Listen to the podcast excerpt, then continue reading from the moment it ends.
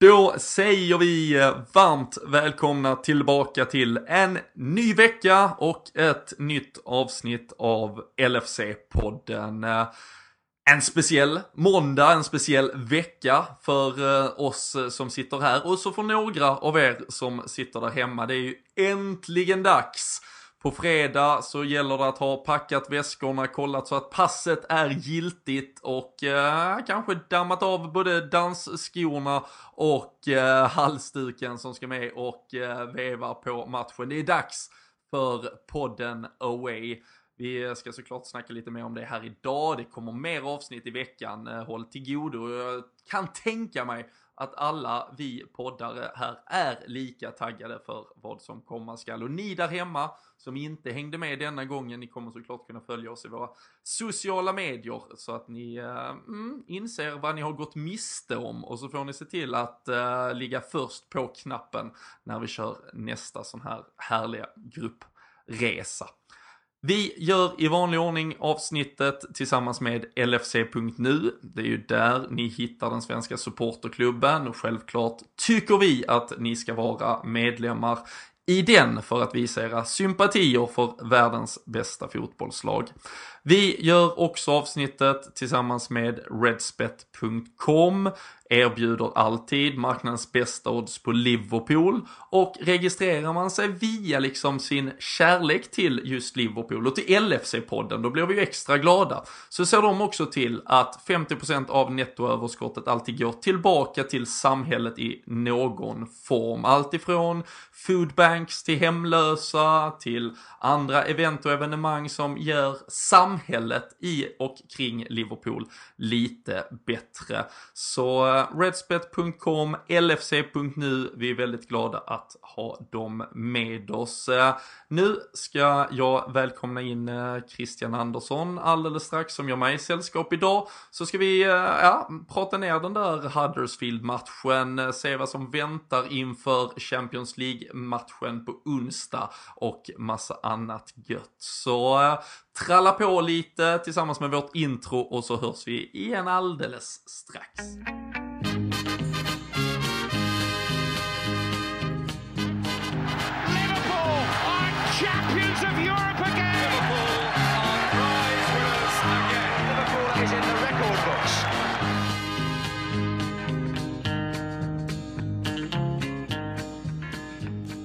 Jajamensan, eh, då eh, sitter vi här. Eh, Christian har gjort mig sällskap.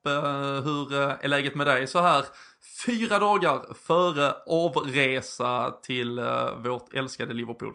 Det kan inte vara annat än grymt Robin. Det är bara några dagar kvar som du säger och solen skiner ju fortfarande under den här hösten med lite höstpromenader under lunchtimmarna så att man njuter och bara väntar på att man ska få lyfta på fredag och joina gruppen som samlas i Liverpool. Mm. Sen vill vi ju inte ha sol i Liverpool. Det ska ju vara 12 grader och snålblåst och liksom lite regn i luften känner jag. Ja, man får använda solen som man får här och bygga upp ja. lite vitaminer och så när man kommer dit så kan man stå emot den här blåsten och det gråa som kanske lägger sig över Liverpool. Men det är alltid glädjande att vara där ändå oavsett väder så man kan dricka sig lite varm också om man får säga så. Där, eh, där finns sätt att hålla stämningen på absolut eh, topp i alla fall. Hur uh, har, du, har du behövt liksom knipa till dig lite i armen att det trots allt är liksom 40 pers, massa glada härliga lyssnare vi ska få spendera helgen med. Annars är man kanske kompisgänget på tre, fyra pers som sticker över. Ja, men precis som du säger så är det faktiskt väldigt häftigt att få vara en del av det. Man har ju liksom varit över många gånger såklart när man bodde där, men sen när man flyttar hem till Sverige så har det blivit att man åker som du säger med, med kompisar eller familj, kanske i mindre grupp och nu blir det ju något extra eftersom att vi är närmare 40 stycken som är över tillsammans och att det är organiserat eh, av oss med våra härliga lyssnare och att det är, finns ett litet schema och lite tankar kring eh, vad som sker och så vidare och så är ju matchen den stora grejen. Så att är det här en språngbräda som vi kan fortsätta med så tycker jag att det är helt fantastiskt att vi har kommit så här långt på vår resa tillsammans faktiskt. Det är, det är riktigt roligt. Ja, nej, men verkligen en, eh, en ny milstolpe. Vi bryter ny, ny mark som eh, podd och eh, det är ju hela gänget. Det är du och jag, det är Daniel Forsell, Fredrik Eidefors, Kalle Sundqvist och, och till och med supersub Jocke Lundberg och så massa fantastiska lyssnare. De, de kommer fylla en viktigare funktion, alla härliga lyssnare känner jag. Och eh, som sagt, en, ett riktigt häftigt eh, schema vi har fått ihop. Det kommer, eh, ja, vi kommer eh, äta gott, dricka gott, eh, umgås. Eh, det blir quiz och tävlingar. Sam Dodds har slängt med lite bra priser och nej, det kommer helt enkelt att bli en helt fantastisk helg. Och så hoppas vi väl också på en lite mer sprakande fotbollsunderhållning än den vi serverades eh, i lördags kväll eh, när eh, vi mötte Huddersfield på bortaplan Christian. För, för det där, ja, det kan behövas en extra bärs om det är något liknande vi har att vänta på lördag. Mm, jag kan bara instämma det vi fick se eh, nu under helgen här. Så det var ju inte, det är fortfarande som vi kommer komma till, tre poäng. Men just när det kommer till spelet så finns det ju mer att eh, förvänta sig av Liverpool. Så att jag hoppas att de steppar upp nu både under veckan för matchen som kommer och sen givetvis när vi är på plats och spelar mot Cardiff. Det, det måste vi göra framöver för att eh, ska man vara med i toppen, så även om man tar poängen, så till slut kommer det att straffa sig om man inte, inte löser den biten. Mm. Det var ju väldigt mycket snack inför matchen. Ett landslagsuppehåll som eh, såklart inte någon missat och, och, det känns ju som att skadorna egentligen avlöste varandra där. Eh, det var en van Dijk som hade en del problem, eh, Naby Keita kanske det allvarligaste av alla. Sadio Mané med en bruten tumme det var mycket skavanker, även en Salah hade gått av tidigare, vi hade James Milner skadad sen innan uppehållet som mirakulöst på något sätt kom tillbaka. Um, det krävde ju, nu vet vi inte alla detaljer kring vem som var fysiskt spelduglig och inte. Det är väl Sadio Mané, uh, eftersom han inte ens var i truppen som vi kan bortse från, Nabi Keita också. Uh, men eh, uh, var du förvånad över att uh, Klopp faktiskt gör ganska många förändringar, lite formationsändring eh, och sen dessutom en Adam Lallana som går in och gör debut, uh, eller debut, comeback eh, nu sen, sen sitt senaste skadeuppehåll. Eh, ett mittfält som formeras om, en Shadan Shakiri som kommer in, en Daniel Sturridge som kommer in och också att han behåller den, ja, den fyrbackslinje som vi kanske trodde bara var en Eh, en vikarierande fyrbackslinje mot eh, Manchester City sen. Vi kan ju börja i, i den änden. Um, Trent Alexander-Arnold har nu fått sitta på bänken två matcher på raken för att någonstans faktiskt få plats med Dejan Lovren istället. Hur eh, är din syn på det? Eh, jag varit väl eh, lite förvånad över det, för vi har ju suttit såklart som eh, många andra i Liverpool-kretsar och hyllat den backlinjen som bestod av Gomes och van Dijk som mittlås och där Alexander Arnold då spelar högerback. Och det är klart, vila och landslagsuppehåll och det är matcher och man är iväg och representerar sitt landslag och allt det där. Det är klart att någonstans är det bra med rotation men jag trodde inte att han skulle bänkas åter i den här matchen. utan Jag trodde vi skulle få se den så kallade ordinarie backlinjen som vi, som vi har kanske namngivit ändå. Men eh, ja, jag tycker väl liksom att eh, om vi pratar backlinjen lite så Gomes som högerback, han gör ju det han gör ju jobbet, men jag anser ju fortfarande som tidigare att han är en mittback. Och, och Lovren kom ju in senast, gjorde det jättebra, men i den här matchen så var det väl kanske inte alls lika bra. Även om vi håller nollan så fanns det väl vissa situationer som inte riktigt kändes sådär säkra som vi har sett de tidigare matcherna nu under inledningen av säsongen här. Mm. Nej, och jag, jag märker det, alltså, jag liksom sticker ju inte under stolen på något sätt med att jag tycker att, jag tycker att vårt och kanske egentligen inledningen av säsongen hela ligans bästa mittförsvar är Joe Gomez och Virgil van Dijk. Eh, jag tycker att vår bästa högerback och faktiskt i inledningen av säsongen hela ligans bästa högerback är Trent Alexander-Arnold. Och när man då har möjligheten att spela det bästa mittbacksparet och är den i alla fall i klubben bästa högerbacken så blir det väldigt förvånande för inte nog med att ja, DN Lovren går in och ersätter Joe Gomez som mittback. Det blir att vi får en, jag tycker att vi får ett lite sämre mittlås. Vi får en lite sämre högerback. Eller som faktiskt mot Huddersfield, i alla fall i det offensiva och där det kanske behövdes, där vi kanske Ja, vi kom ju aldrig upp i standard vad gällde vårt eget spel. Men där har ju Trent Alexander en, en dimension i sitt spel som Joe Gomez inte har som högerback. Och eh, jag är lite, jag ska absolut inte säga att jag är orolig, men känslan är att detta kanske är en backlinje Jürgen Klopp tror väldigt mycket på och ty- liksom vill använda. Han har det vet vi verkligen med lärdom från hela förra säsongen och framförallt innan ett extremt förtroende för Dejan Lovren. Liksom, du behöver inte ens vara hans största kritiker på något sätt för att ändå kanske under förra säsongen framförallt liksom har förvånats över hur många chanser han fick. Eh, det var ju mot Tottenham när han till slut var tvungen, alltså när det någonstans briserade till den milda grad att då var även Klopp tvungen att agera, men den gången tog det bara en vecka och så var han tillbaka och sen spelade han och sen spelades han in igen. Och han gjorde ju det också under säsongen väldigt bra i vissa stunder så det ska ju liksom inte helt negligeras. Men jag är förvånad över vilket förtroende det verkar vara och att han någonstans är ja men när han är fit så är han förstevalet och då får det anpassas efter honom och det vi, vi har kanske inte fått svaret på den frågan bara på grund av två matcher, men eh, nu väntar ju två hemmamatcher här mot Röda Stjärnan och Cardiff. Eh, vi kommer att prata lite om dem och, och skulle vi se samma backlinje då med Dejan Lovren i mittförsvaret, Joe Gomez uttryck till höger i de två matcherna där jag tycker att vi ska kunna spela samma lag, åtminstone i det defensiva, två gånger om på Anfield, då är det ändå en liten varningsklocka och sen så ska man ju såklart då komma ihåg att vi har hållit nollan båda de här två matcherna mot DN Lovren, med DN Lovren. Det märkte jag att många skrev på sociala medier när man kanske visar lite kritik. Men ska vi vara ärliga så orsakar han en straff mot Manchester City. Där har vi bara tur som kommer undan. Och han ligger faktiskt väldigt fel i ett par omställningar som Huddersfield får här i lördag. Så jag tycker liksom inte att det är... Ah, det är ju inte, det ser ju inte hundra ut. Uh, och det är liksom inte världens bästa mittback som han själv uh, ansåg under VM helt enkelt. Nej, jag tycker att matchen mot Huddersfield nu visar väl ändå att det var lite knackigt både för van Dijk och Lovren faktiskt. Det var mm. situationer som kändes väldigt eh, tveksamma från båda håll då. Men kan, jag vet inte om det kan vara något som smyger sig in i också när... Alltså, Van Dijk har ju varit stabiliteten själv sedan han kom in och han har egentligen höjt både Lovren och, och, och nu Gomes under den här säsongen. Eh, men sen att Lovren det är vissa situationer där båda riktigt inte kommer till sin rätt och sen tycker jag precis som du säger med att Gomes är en fruktansvärt duktig mittback har han ju bevisat sig och trots sin ringa ålder och skadeproblematiken han haft tidigare så har han ju tagit otroliga steg i sin utveckling och känns lugn och bra med bollen. Han är snabb och följsam och allt det här. Men som högerback gör han ju absolut inte bort sig. Men jag tycker också som du säger att vi tappar en dimension i spelet utan Alexander Arnold på högkanten. Och i matcher som Huddersfield, trots att det är på bortaplan, de har liksom inte, jag vet inte hur lång tid de hade gått nu eller hur många matcher på hemmaplan utan att göra mål.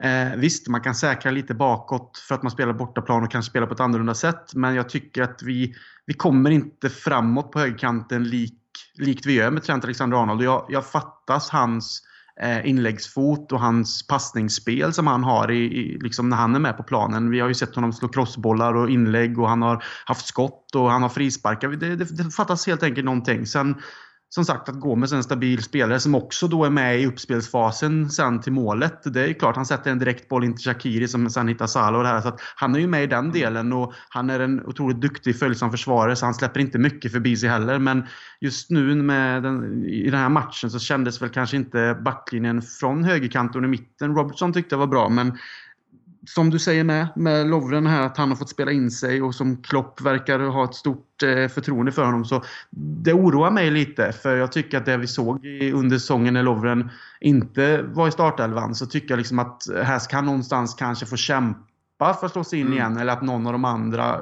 då gör bort sig. Och det som jag känner lite att det är ingen som har gjort det. Och trots att han hade ett väldigt, väldigt bra VM bakom sig så ska det ju vara i klubblaget den, de mittbackarna som är bäst för tillfället. Och då tycker jag att ingen av de andra på något sätt bevisat att ni ska ut i startelvan och det är därför jag tycker att det här blir lite oroande eh, när vi liksom går framåt nu när jag tycker att vi haft det så bra tidigare. Mm.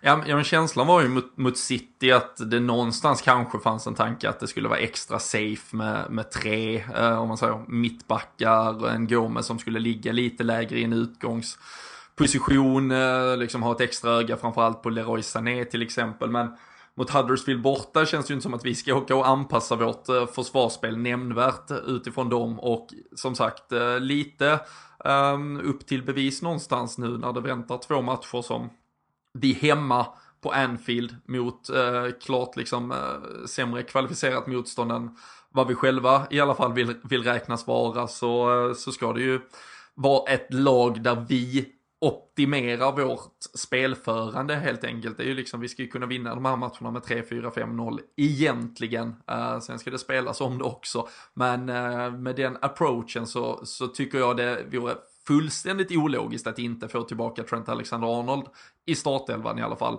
Och eh, då hoppas jag ju att det är på, om man ska säga, på bekostnad av Dejan Lovren, men då hoppas jag att vi också återgår till vårt mittförsvar. Sen skulle jag vara fine, men behöver man ett roterande så kan väl Lovren och van Dijk spela någon match tillsammans, men då tycker jag inte man ska tvinga in liksom eh, Gomes med ett eh, skohorn, utan då är det Trent och då vilar vi Gomes och så får han vara redo till nästa match helt enkelt. Men Uh, helst av allt, det som vi kallar den ordinarie backlinjen med, med Joe Gomez och uh, Virgil van Dijk och så Trent och Robertson och så får vi väl se om uh, det är så Klopp resonerar framöver också. Längre fram var det ju desto fler förändringar, eller det var ju där de riktiga förändringarna i förhållande till senaste matchen kom. Vi visste att det fanns många osäkra kort, det var väl ingen som visste exakt vem som var spelduglig eller inte. En Firmino återfanns på bänken, en Sadio Mané kom aldrig till spel. Sen nämnde vi då en Adam Lallana som gjorde säsongs debut, eh, comeback efter, eh, ja men det har varit väldigt mycket skadeproblematik. James Milner och Jordan Henderson fick någonstans ses som det ordinarie inslaget, även då tillsammans med Mohamed Salah. Men Lalana Shakiri Sturridge tänkte jag vi kunde ta lite tempen på som ändå inte är ordinarie inslag och framförallt Adam Lalana tillbaka nu eh, efter eh, ja, eh, sju helveten och tolv bedrövelser eller vad man brukar säga. Men det var inte klang och jubel från första stund. Nej, det var det inte. Och han, han visar ju vad han har i, i sitt spel. Alltså han, han har lite snygga finter, han drar sig, men det, man märker att Alltså, just att ta sig ur svåra situationer, små ytor, han är teknisk och han, han är duktig liksom på det sättet. Men det, det, det, man känner är att han har ju inte matchtempot i sig. Det går ju lite för sakta och det är ju, det är ju faktiskt farligt i de här lägena där han eh, ibland tappar boll när han är på väg framåt eller vänder sig uppåt liksom på fel sätt och får en, får en brytning mot sig och så blir det en kontring. Så att han har det men inte riktigt på den nivån än som eh, man hopp, kan hoppas. Sen är man väl lite rädd kanske att det tåget också har gått. Han närmar sig väl 30 om man inte mm. redan har fyllt det. Och med den skadehistoriken som du nämner, så vi vet ju från spelare från förr att är man skadad väldigt, väldigt länge så eh, under lång tid så är det inte säkert att man kommer upp till samma standard. Och det som som sagt oroar mig lite är att han kanske inte har det som krävs för att vara i Liverpool. Sen tycker jag att han är en riktigt duktig fotbollsspelare men det ska ju som sagt bevisas att han ska vara i startelvan kontra de andra spelarna vi har. Så att eh, nej, han behöver nog lite tid till att få eh, bevisa sig tycker jag men eh, Samtidigt får det heller inte bli en risk för laget. Sen är det klart att är det skador som gör att andra spelare får stå ut så då finns ju han på bänken och det, det är ju ändå tillräckligt bra så den lyxen får man ju ändå se att man har. Ja, alltså det är ju tillräckligt bra till, till en viss nivå. Alltså det är inte så att vi ska liksom, vi ska inte sväva iväg för mycket. Men om man tittar, och det är sen såklart, det blev ju extremt i Champions League-finalen där han ersatte Mohamed Salah som där och då kanske var hela världens bästa fotbollsspelare liksom under de månaderna. Men, men där såg man ju vilket extremt, alltså fall det var ner till den nivån som Adam Lallana besitter. Och jag tycker någonstans, liksom, hade jag tagit ut ett five-a-side-lag för att spela in eh, en fotbollsturnering på lördag, då hade jag jävligt gärna velat ha Adam Lallana i mitt lag. Liksom. Han hade ju vänt upp varenda jävel och snurrat bort folk. Rent fotbollstekniskt och liksom eh, kvickfotad så, så, är han briljant. Liksom. Där är han i eh, det övre skiktet av eh, toppfotbollsspelare. Men med reservation då såklart för att det är första matchen på väldigt länge och man ska komma in i ett tempo, så såg han helt felplacerad ut i den här miljön tyckte jag. Och problemet som du nämner, han har, han har åldern emot sig, han har det fysiska emot sig just nu i en liksom någonstans inte alltför avlägsen liknelse till en James Milner som har anpassat sitt spel på nyttfötts i en helt ny ja men i någon form av ny dimension och uppståndelse där han spelar en fotboll som ja, men lyfter de kvaliteter och styrkor han ändå besitter så kan jag inte se Adam Lallana använda de styrkorna han har för att bli en viktig del av ett Liverpool-lag. Speciellt som i denna matchen utfasad på en kant dessutom där han ska kunna ja, men ta sig förbi, han ska kunna överlappa tillsammans med Robertson, han ska utmana en mot en, han ska vinna mark. Han vinner ingen mark. Han tar bollen alltid ett steg fram, två steg tillbaka. Han kan snurra lite in, lite ut. Sen blir det ofta en passning på tre meter. Han skär inga linjer varken i sitt löpande eller med sitt passningsspel. Han var för två år sedan jättefin i en del av ett tremannamittfält tyckte jag och det är eventuellt där han skulle kunna fylla en funktion men som någon av de tre offensiva och i en ytterposition så, så jag ser han som fullständigt menlös tyvärr. Jag var väl lite hård på också på Twitter och märkte att man fick lite mothugg, även om väldigt många verkar dela den här åsikten. Men de som liksom kanske tyckte något annat var väl just att man borde ge honom en chans och det kan jag någonstans köpa, men samtidigt kan jag inte köpa att vi ska ge någon en chans bara för att. För har tåget gått så har det gått, då har vi 15, 16, 17 spelare som är bättre än Adam Lallana, ja men då har jag liksom ingen, liksom han har inte förtjänat rätten mer än någon annan att får bevisa sig. Så jag, jag, jag, tror han går en lång väg till mötes, även om han också, eh, baserat i alla fall på tidigare eh, säsonger, kanske är en liten kloppfavorit. Men eh, jag, jag tror det blir tunnsått eh, och det skulle förvåna mig om han gör mer än mm, sju starter till den här säsongen. Ja, alltså man får ju inte glömma av det att eh, Klopps första säsong så var ju Lalana här. Han kunde ju springa hur mycket som helst. Han satte pressspel och han, han anammar ju det spelet som Klopp direkt eh, implementerade i Liverpool. Liksom att, att eh, pressa och sen med sin teknik såklart. Han hade lungorna men blandade det med teknik och passningsspel. Och, mm, jag menar just nu är han ju inte där och nu kanske vi inte spelar heller med det pressspelet heller på samma sätt. Vi har ju ändrat om lite och då kanske han hamnar någonstans mitt emellan där. Särskilt när han inte har de fysiska aspekterna kvar. Och sen tycker väl jag att ska han någonstans spela så har väl han de attributen som passar bäst enligt mig som i så fall är nummer 10. Där han kan vända och vrida lite och göra instick och använda sin teknik. Liksom. Men som på en kant som du säger där ett, han har ett trögare steg än tidigare och inte tar sig förbi en spelare och inte kommer till inlägg eller kanske till en, ett kombinationsspel som krävs. Eller på ett mittfält han kanske inte riktigt heller har den fysiken just nu i alla fall för att klara av det här spelet så då blir det en bänkplats. Men jag menar, kan, kan han ta sig några steg framåt så absolut så finns han där. Men jag håller med dig om att vi, vi har ju jämfört med en, två, tre säsonger tillbaka så har ju vi så många mycket bättre fotbollsspelare som finns nu eh, på bänken och som väntar på sin chans och då blir det svårt för en Lalan att, att ta en plats. Och åldern, tiden kommer man ju inte undan så att äldre blir han ju bara. Så att tyvärr så kan det vara det, kanske det sista vi ser av Lallana den här säsongen om det, om det inte är så att han nöjer sig med att vara en reserv eller en, ja, vad säger man, en bänkspelare då kanske framåt och, och, och så vidare. Mm. Han är för fan nästan lika gammal som dig och mig Krille. Fattar du hur gammal han är då? ja, då, då, är man, då är man sliten. Då är man sliten, så är det faktiskt. Um, och uh, två spelare som han faktiskt gör upp med uh, på bänken som uh, då också roterades in här nu. Um, du nämnde Shadan Shakiri som, som återigen får man ju säga fick en assist till Mohamed Salah. Han har nästan poänggaranti när han väl spelar och eh, Eh, vad ger du han för betyg i eh, insatsen? Fick dessutom fortsatt förtroende. Det har varit mycket tidiga utbyten eh, annars eh, på honom från Klopps sida. Nu fick han fullt förtroende och eh, ja, ligger ju trots allt bakom målet. Ja, alltså jag, jag älskar ju fotbollsspelaren eh, Shakiri. För det har jag egentligen gjort från det jag såg honom första gången när han var med i, det måste väl varit nästan i U21 EM i Sverige 2009 eller något där. När han representerade Schweiz och han var väl 17-18 år tror jag. Eh, man såg direkt där att han, den här killen har någonting. Sen vet man ju aldrig vad, om det liksom kommer att blomma ut. Men eh, han gjorde ju det, tog sig till Bayern München och sen dess har jag väl haft det lite öga på honom just för att det ryktades en del om Liverpool under den tiden där också innan han tog steget till, till Bayern. Eh, och Han har alltid haft någonting som jag tycker om. Just att han har både teknik, skott, passningsspel men också den här eh, terrierliknande spelstilen. Liksom han orkar springa mycket som helst. Han är ett muskelpaket. Och nu tog sig hans karriär från eh, Bayern München till Inter, till Stoke och till Liverpool. Och jag tycker att när han är i en miljö som eh, såklart är så mycket bättre bättre än vad han har varit i Stoke de senaste åren som, som han befinner sig nu i, i, Liverpool så ser man att han blir också en bättre fotbollsspelare för han har mer alternativ runt omkring sig som kan göra saker också och eh, öppna upp vägar. Men jag tycker att han visar mer och mer att han verkligen ska vara med för att han gör assist, han, han springer mycket, han, han vinner en del bollar och han är, han är direkt i spel med vad jag tycker om med honom som, som vi såg inte minst vid målet, är att han har direkta raka passningar. Alltså, han satte bollen in förbi Salah så att Salah slipper, alltså han kan springa med bollen och avsluta direkt.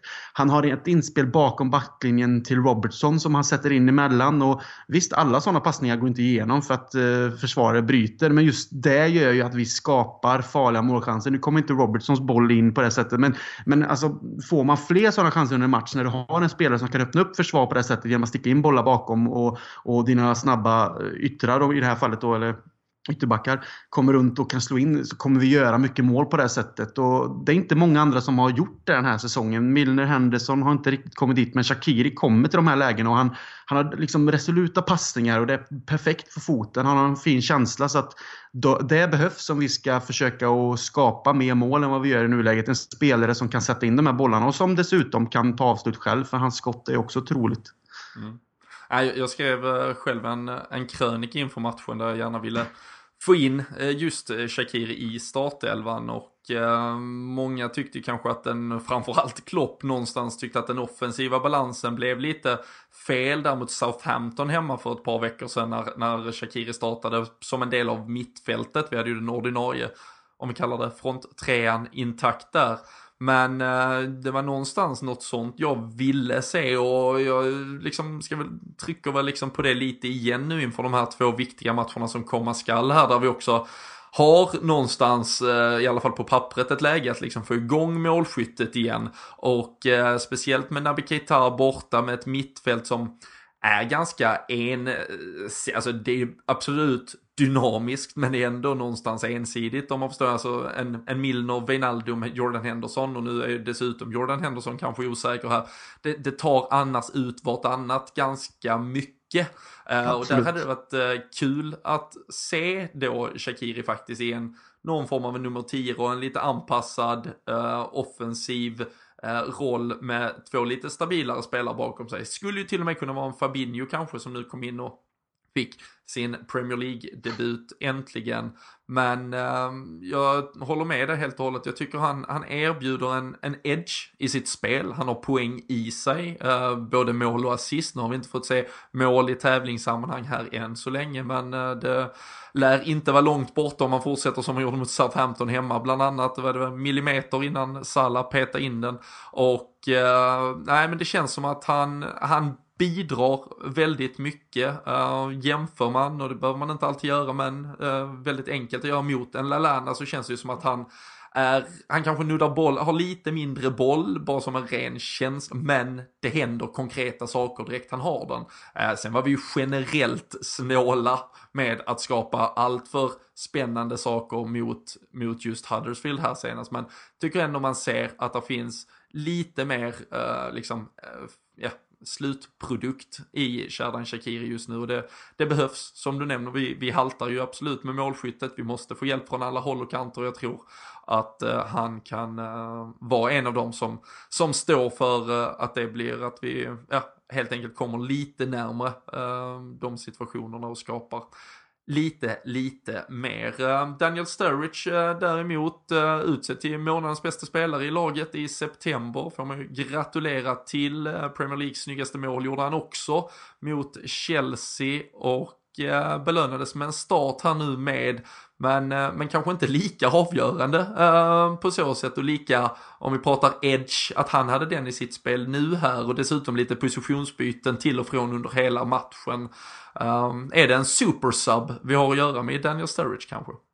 Möjligen. Jag tycker väl att nu mot Huddersfield så han i vissa stunder höll han upp bollen bra för att få upp laget och så. Och han eh, såg relativt stark ut. Men det är ju rätt. Och han kom, han kom faktiskt undan med att kanske göra en liten fint och dra sig uppåt med och komma iväg med sitt steg som på något sätt kanske fanns där en liten tendens av det forna, den forna Daniel Sturridge som vi lärde känna för några år sedan. Men men när det blir liksom tajta ytor eh, och det inte blir kanske att vi kommer med fart och kan spela in bakom. Och han, det, det, finns, det känns inte så farligt på det här sättet. Det målet han gjorde mot Chelsea är ju, liksom så, det är ju ett typiskt Daniel Sturridge avslut lite längre ut, ut och han har sin konstiga bollbana, en snygg träff på det. Men är det inte så att de kommer i fart och han får ligga liksom, vad säger man, bakom försvararen och sen sticka förbi på rätt sida och få ett inspel och tappa in den så känns det inte som att det kanske blir så farligt när det inte finns de ytorna.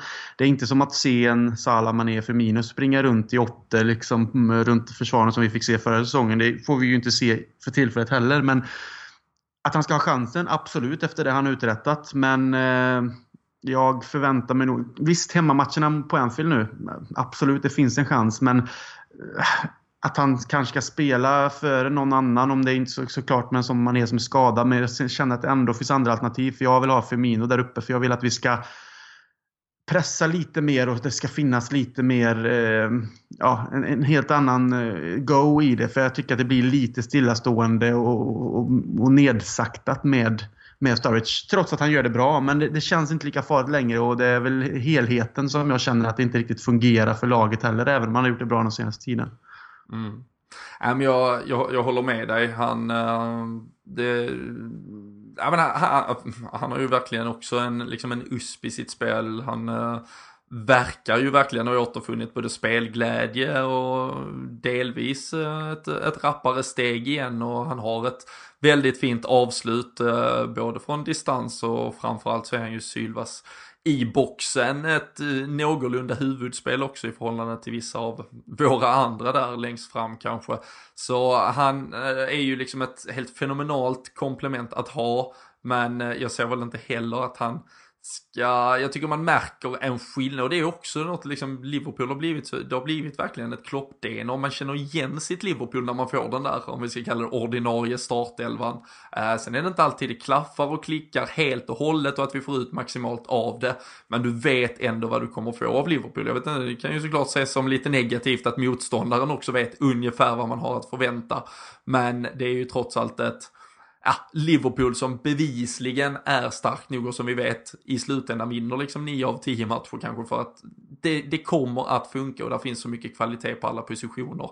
Så jag, jag hoppas väl och tror att eh, om eh, alla skadebekymmer reds ut så ser vi väl eh, Sadio Mané, Roberto Firmino och Mohamed Salah på topp i i båda de här matcherna som väntar på, på Anfield nu med tanke på att vi måste vinna i Champions League såklart.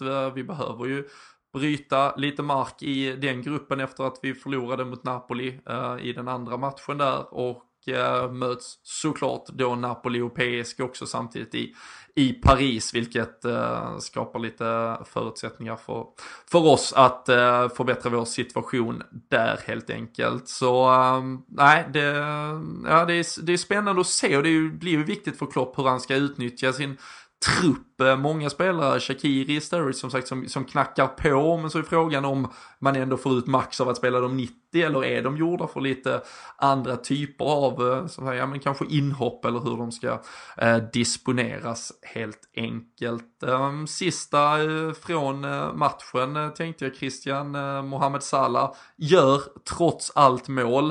Eh, han har haft en usel säsong enligt alla tyckare och tänkare medan eh, spelare som eh, ja, men Arnautovic, Joshua King, Lacazette Aubameyang de, de går ju som tåget tycker man och de har gjort fyra mål allihopa. Så det är lite intressant det där med perspektiv. uh, och uh, Harry Kane uh, har de ju inte blåst lampan på än. Han har gjort fem mål och så vidare. Liksom det, det, är inte så många som har gjort fler mål men ändå så har han haft en horribel säsong. Nu fick han en, en tap-in kan man väl ändå kalla det även om det såklart krävs kvalitet och ett klassavslut. Ja, alltså det är ju de här förväntningarna som han byggde åt sig själv förra säsongen och som kanske eh, vissa glömmer av i, i, i det hela. Liksom. När vi eh, liksom ser på vad, vad, vad, som har hänt den här säsongen med Salah så han har ju fortfarande varit involverad. Han har skapat massor med chanser. Han har gjort mål fast det blivit liksom, då avblåst för offside. Han har funnits i situationerna. Men sen har det kanske inte klickat helt med de andra och det känns som att som vi har diskuterat lite tidigare, att han, han vet om den här pressen själv och den kanske har gjort honom en otjänst i, den här, i det här läget. Men spe, spelet nu mot Huddersfield som han var med i tycker jag att han han bidrar mycket. Han såg lite vassare ut. Han gör ju målet och avslutet är ju bra på det sättet just att han, han går med bollen och så trycker han av direkt och den går in i bortre. Det är helt omöjligt för, att, för målvakten att nå den. Och sen har han ju ett läge till där jag tycker att han borde träffa mål i alla fall. Ehm, men eh, steg för steg så hoppas vi bara att han blir bättre och bättre. Och jag menar, han har gjort fyra mål redan. Det kan komma en match där han bara dundrar in tre, fyra stycken också. Och då helt plötsligt så har vi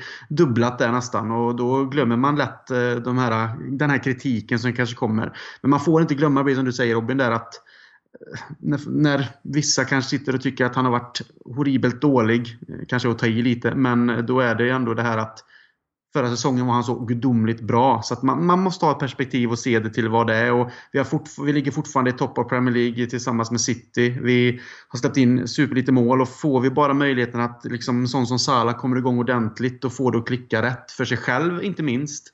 Eh, så på det sättet är jag inte orolig. Det är väl bara att det inte ska gå för många matcher heller. Och nu är det ju så. Vi har match mot Röda Stjärnan hemma. Vi har match mot Cardiff hemma. All respekt mot dem, men det är två matcher där vi som sagt måste vinna i Champions League. Där vi har tillfälle att, att göra någonting åt det. Och Cardiff också en sån match på Anfield där vi faktiskt har möjligheter att sätta dem under sån stor press och liksom verkligen känna att de egentligen inte har där att göra. Och det är ju sådana matcher där vi kanske kan få en islossning. Men det kanske man tror många gånger också, till exempel mot Huddersfield med. Men eh, ta det match för match och än så länge så tar vi tre poäng också när vi inte spelar bra. Och så länge vi gör det så kan man ha lite mer tålamod. Det är ju när det börjar straffa oss som det måste kanske gå snabbare då. Men förhoppningsvis är vi där inom väldigt kort. Mm. Nej, och, och jag tycker man ska komma, alltså det, det, Alltså det ska jäkligt mycket till just nu för att man ska börja liksom klaga och knorra allt för mycket. Vi, som sagt, vi ligger i delad tabelledning av, av Premier League. Vi, vi såg nu ett, ett Chelsea som då har hakat på nu, nu mötte de Manchester United och då blev det delad pott där. Nu har vi Tottenham och City möts på måndag, eh, samma helg som vi då möter Cardiff här och eh, det kommer börja liksom delas poäng. Man får komma ihåg att vi liksom har mött City, Tottenham, Chelsea. Vi, vi har ju spelat tre, om man säger topp 6 matcher. Um, ingen annan har spelat fler än två. City kommer gå upp och City har ju mött oss, de mötte Arsenal tidigt också. Nu har de mött Tottenham i så fall här också. Men annars är det liksom, vi har varit där uppe och spelat de där stora matcherna redan. Vi har mött alla de tre bästa och eh, kommit undan med den poängskörd vi har. Som du säger, vi har en helt fenomenal defensiv som är, som är så solid så att det nästan är löjligt. Och eh, vi känner att vi inte riktigt har fått uppväxling på, på någon av våra offensiva spelare egentligen. Liksom, pratar man om de som har varit bra i laget denna säsongen så är det ju en, ja, men en van Dijk som har varit så stabil, en, en Milner och Wijnaldum som verkar ha lungor som hästar och en, en Andy Robertson kanske som sticker ut lite i, i både det offensiva och defensiva. Men det är ju ingen av de här som kanske på pappret egentligen ska vara topp 5 när säsongen är slut som har stuckit ut än. Uh, det är klart det finns någon vågskål kring när man ska börja vara nervös över det, men än så länge så känns det ju bara som att det är ett, ett sparkapital vi ska vara extremt nöjda med att ha. Och uh, det känns väl jävligt passande om uh, vår lördag med podden Away blir explosionen för hela den här offensiven helt enkelt. Ja, det har varit helt underbart att få se liksom en målkavalkad utan dess like när vi är på plats. Och att liksom Salah gör en del mål och, och Mané nu är med förhoppningsvis att han får in någon Firmino. Det har varit, alltså just den känslan har varit helt underbar. Men det är klart, är man på plats så är det ju önsketänkande. Det får gärna ske när som, när man inte ser på plats också såklart. Men det, det är lite det här som du säger att man får inte glömma bort just den delen. Att vi är med där uppe och att vi inte har kommit igång rent offensivt. Så precis som du säger är det ett sparkapital som man bara egentligen är... Det finns bara lyx i det. Vi har tre spelare där framme och andra spelare på bänken som kan komma in och göra ett superjobb för dem också. En sån som Shakiri till exempel. Eh, och vi har Keita på, på skadelistan nu så får vi se hur det ser ut med honom. Men det finns spelare runt omkring så att när det inte riktigt funkar så kan vi i alla fall byta ut dem och testa annat. Och det har vi inte haft tidigare. Men får vi bara de här tre där framme och komma igång och på något sätt närma sig vad de var förra säsongen så kommer det räcka också. Sen kan vi hoppas att de når samma nivåer, men man får, man får liksom tänka att förra säsongen var en sån där säsong som Liverpool ofta gör när de gör en supersäsong. Då, då springer de iväg ordentligt och man kan inte alltid ha den, den förväntan på dem. Men att de ska nå nära, absolut. För det, i ett sånt lag spelar de i och den kvaliteten har de. Men jag menar, blir det den islossningen mot Cardiff och det kan gå och fortsätta därifrån sedan så finns det ju ingen som kan sitta och bara skratta och vara glada än vi Liverpool-supportrar. Liksom. Nej, skratta och vara glada eh, är, vi, är vi gärna eh, lördag, lördag kväll. Och eh, alla, alla andra matchdagar såklart. På onsdag väntar nu Röda Stjärnan först och främst i Champions League. Vi släppte ju igår söndag ett ett eh, podmi special där vi eh, ringde upp Bojan Djordjic för att ta tempen inför eh, den här matchen. Det är ju nästan, kan vi väl kalla det, ett dubbelmöte som väntar mot Röda Stjärnan här med två veckors Ehm, uppehåll eh, där innan vi åker ner till Belgrad. Ehm, men det är eh, våra två nästa Champions League-matcher är mot eh, just Röda Stjärnan och ehm, Bojan berättar i det avsnittet om hur även hela hans kärlek och relation till den här klubben har formats. Föddes 1982 i Belgrad och var hans pappa storstjärna i det Röda Stjärnan som på den tiden var ett av eh, hela Europas absolut bästa lag. 1991 gick de ju hela vägen och vann Champions League eh, finalseger i Bari av alla fantastiska ställen och eh, Bojan fick ju sen chansen eh, utlånad, det var faktiskt det sista han gjorde som Manchester United-spelare, utlånad till Röda Stjärnan, då fick han ju chansen att liksom verkligen spela i sina drömmars klubb och eh, han berättar mycket om det, liksom hur tankarna går kring spela i ett ett lag man supportrar. Liksom, det, är, det är som om du och jag skulle få chansen att spela för Liverpool, Krille. Jag vet inte om man vågar ta chansen. Man kanske är rädd att mer förstöra äh, än att göra något annat. Men äh, det gick väldigt väl för Bojan. Han äh, berättar om en fin tid i klubben blev både liga och kuppmästare och han, ja, men han ger en fin inblick och ni lär känna den här klubben. Han, han är dock inte så teknisk så det är en intervju på telefonlina. Vi eh, reserverar oss för ljudet men jag tycker innehållet fyller sin eh, fantastiska funktion. Så är ni inte medlemmar på Podmi så signa upp er. Det är helt gratis att köra på en månad. Då kan man lyssna in Bojan-avsnittet och massa andra godbitar som finns där. Och eh, sen så kan man hänga kvar för bara 19 spänn i månaden.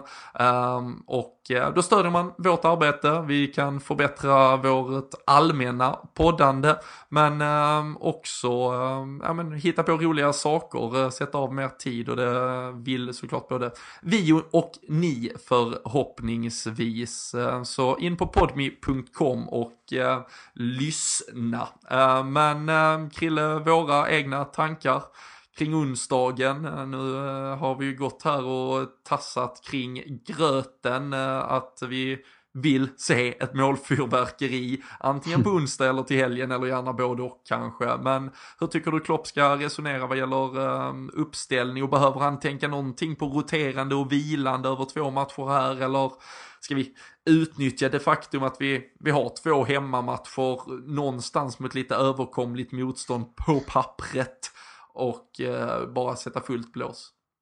Jag tycker att vi ska sätta fullt blås. Eh, bästa möjliga elva eh, utifrån vad vi har såklart att använda oss av för spelare när, när matcherna kommer. I båda matcherna. Eh, Champions League-matchen mot Röda Stjärnan är det som du säger, sa tidigare en måste-match. Det finns liksom inget annat än att göra än att gå ut med bästa möjliga startelva och försöka blåsa av den matchen ordentligt.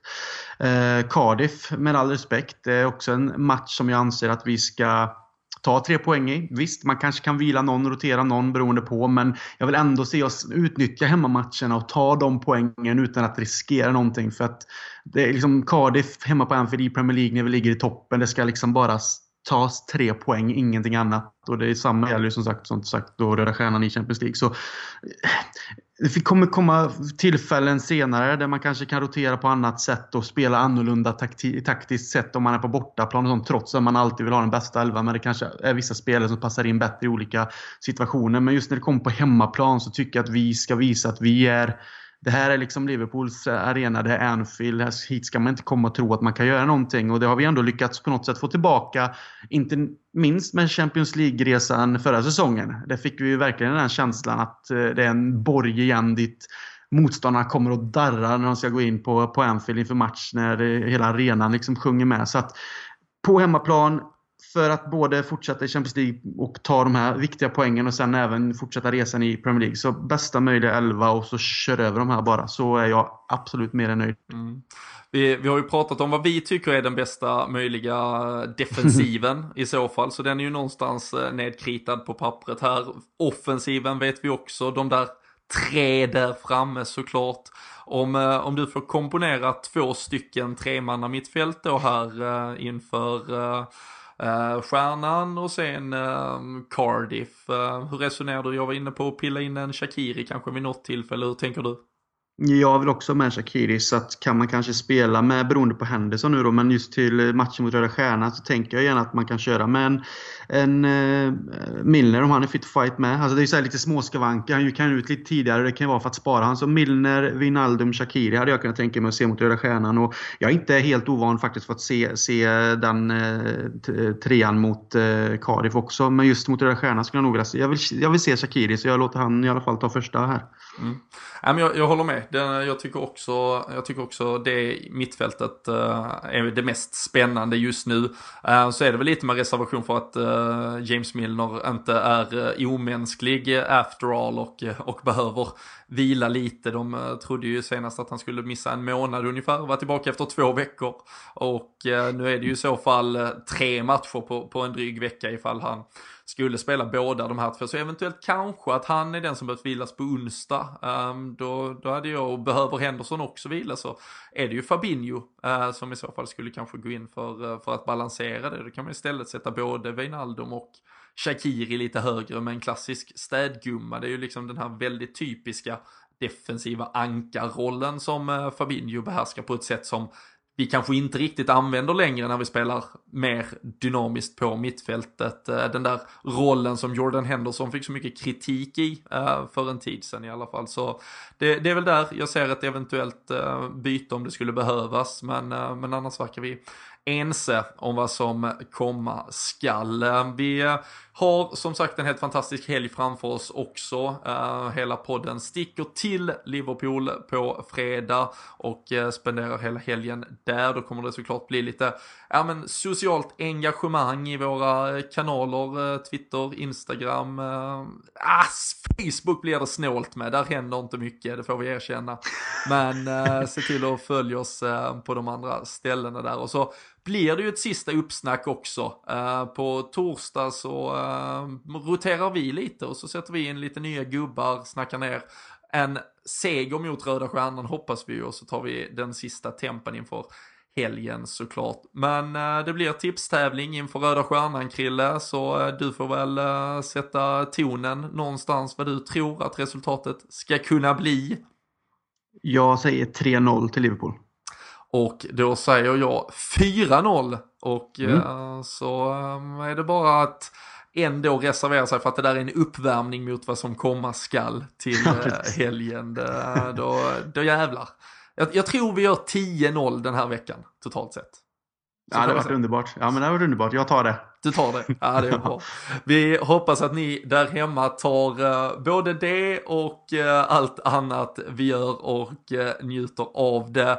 Vill ni ha mer uppsnack inför Röda Stjärnan så hittar ni det på podme.com där vi ringde upp Bojan Djordjic för att lära oss lite mer om den där klubben. Men för oss så länge så får ni hålla till godo och eh, så tackar vi för att ni har lyssnat och så hörs vi snart igen.